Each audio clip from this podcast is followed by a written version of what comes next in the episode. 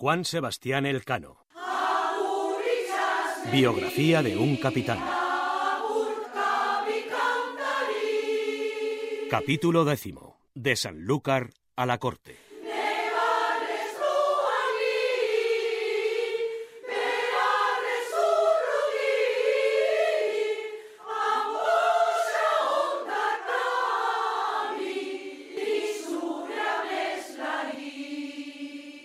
Mientras Juan Sebastián en su camarote de la nao Victoria escribía al emperador, el penetrante aroma del clavo que atesoraba la bodega de la Victoria le transportaba a la isla del rey Almanzor.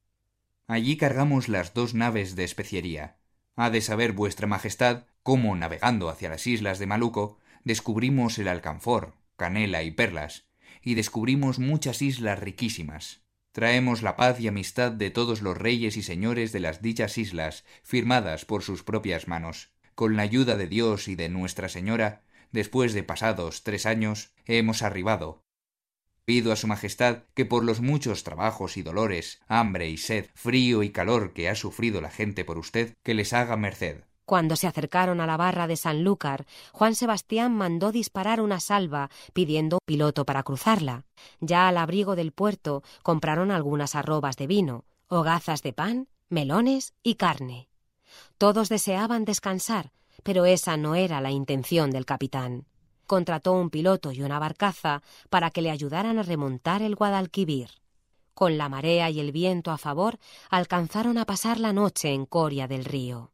La noticia había llegado antes que ellos y la gente del pueblo les salía a ver como a cosa de milagro.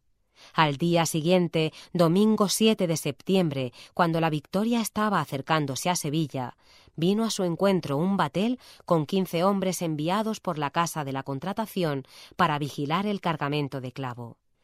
Acariciados por el dulce aroma de la tierra y de los árboles frutales en sazón, cuando su vista alcanzó la torre del oro, gastaron en salvas el barril de pólvora que les quedaba.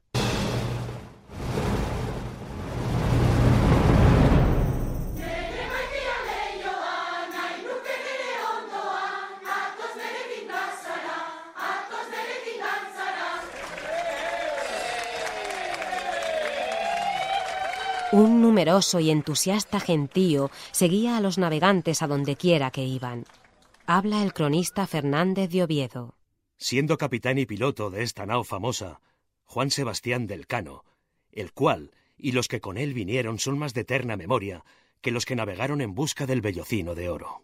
Mientras algunos peones se hicieron cargo de achicar el agua con la bomba, los fardos de especias se introdujeron en costales nuevos. En una estancia aneja a la casa de la contratación se fueron apilando los más de trescientos sacos que dieron veinticuatro toneladas de clavo. La carga quedó custodiada bajo tres candados, de manera que no pudiera ser abierta sin el acuerdo de los tres oficiales de la casa. Anochecía en Sevilla. Los dieciocho hombres se dirigieron a la nao Victoria, tomaron las candelas que había en la nao y saltaron a tierra en camisa y descalzos en procesión hacia la catedral. Al mismo tiempo, un veloz correo entraba en Valladolid con la carta que Juan Sebastián había escrito al emperador.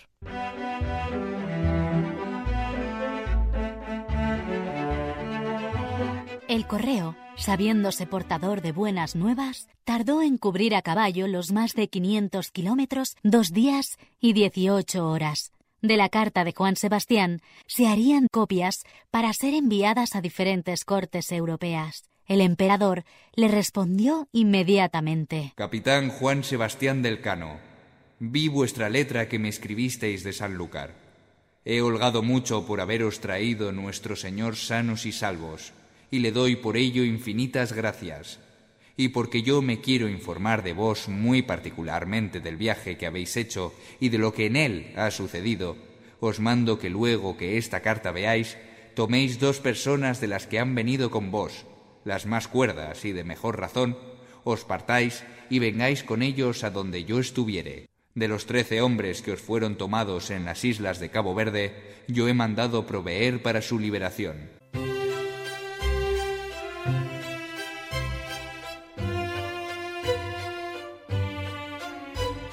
El rey ordenó a los oficiales de la Casa de la Contratación que le dieran dinero para que pudieran ir decorosamente a Valladolid. Juan Sebastián decidió que le acompañaran el piloto Albo y el barbero Bustamante. También los tres indígenas de Maluco le acompañaron.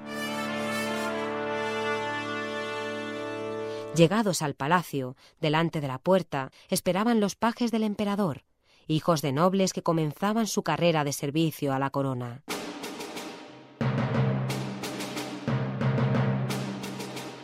La primera puerta estaba cerrada por una cadena con candado.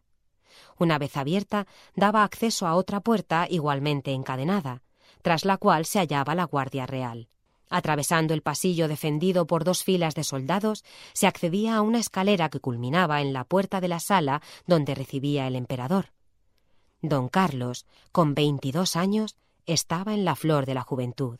Permanecía sentado en una silla sobre un estrado de madera y bajo un dosel de brocado con las armas del imperio. Alrededor de él revoloteaban los grandes del reino, flamencos y castellanos. Carlos V, que, a pesar de su juventud, no debía de ser muy expresivo, se levantó entusiasmado, sonriendo feliz. Tenía aún dificultades con el castellano, pero, como nos informa el embajador de Portugal, era hombre avisado. Quiso cerciorarse de que, efectivamente, habían llegado a la cuna de las especias y de si éstas se encontraban en la demarcación de Castilla. Juan Sebastián respondió que sí a las dos preguntas. Luego se interesó por la posible presencia en las islas de alguna fortaleza extranjera, a lo que el capitán repuso taxativamente que no, Juan Sebastián le mostró entonces las cartas firmadas por los reyes de Maluco con las que le prestaban vasallaje.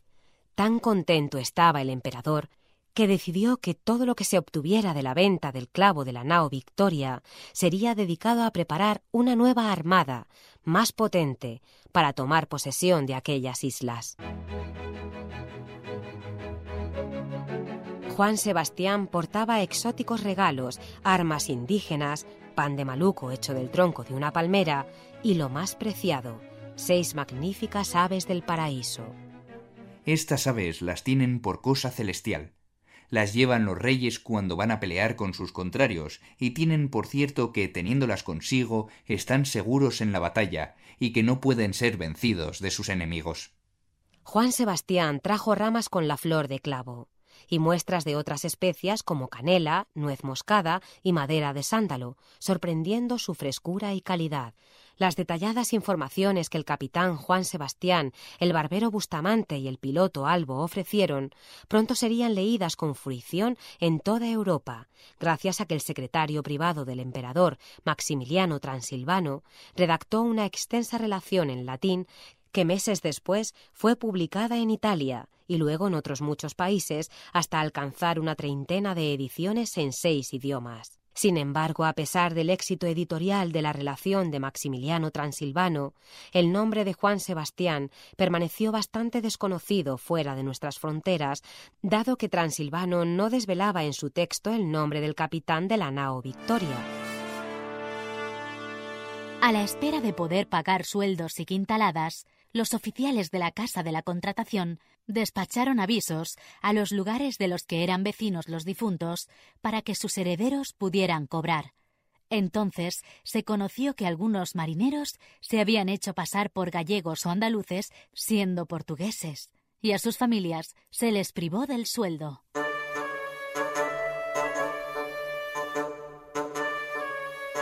La nao Victoria fue destinada a la carrera de Indias y en el segundo viaje desapareció y nunca más se supo de ella ni de persona alguna de las que en la nao iban.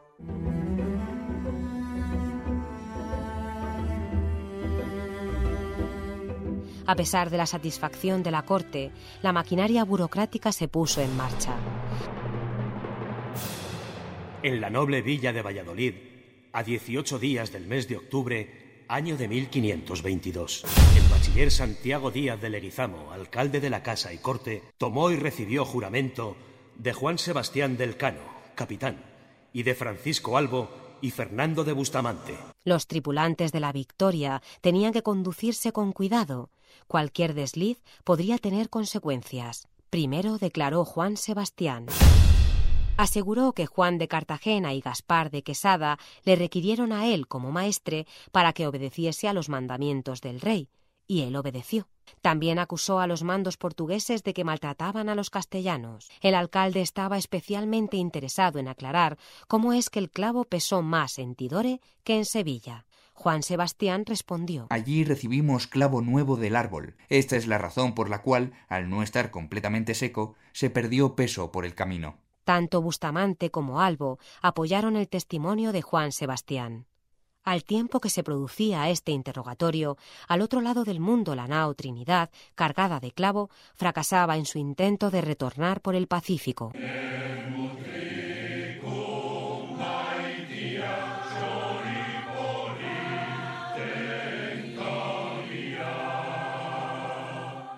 Habían conseguido llegar a las Islas de Ladrones, pero como encontraron siempre vientos contrarios, tomaron rumbo norte buscando vientos más favorables. Cuando alcanzaron los 42 grados de latitud norte, experimentaron por cinco días un temporal tan fuerte que les obligó a cortar el castillo de proa, les rompió el de popa, tronzó por dos partes el mástil mayor y dejó en pedazos el velamen. La gente enfermaba y tuvieron que renunciar.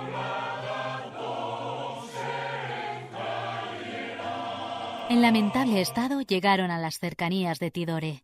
El capitán Espinosa supo que el capitán portugués Antonio de Brito estaba construyendo una fortaleza en Ternate y le envió un mensaje para que fueran a socorrerles. Brito los apresó a todos y les condenó a trabajos forzados en la construcción de su fortaleza. El destino se había cebado en los hombres de la Trinidad, aunque la realidad demostró lo acertado de la decisión de enviar por delante a la victoria. El capitán Brito, como no tenía noticia de que la Victoria hubiera sido capturada todavía, no se atrevió a cumplir las órdenes que tenía de ejecutar a todos los castellanos sin dejar testigos. Naturalmente de todo esto nada sabían en Castilla.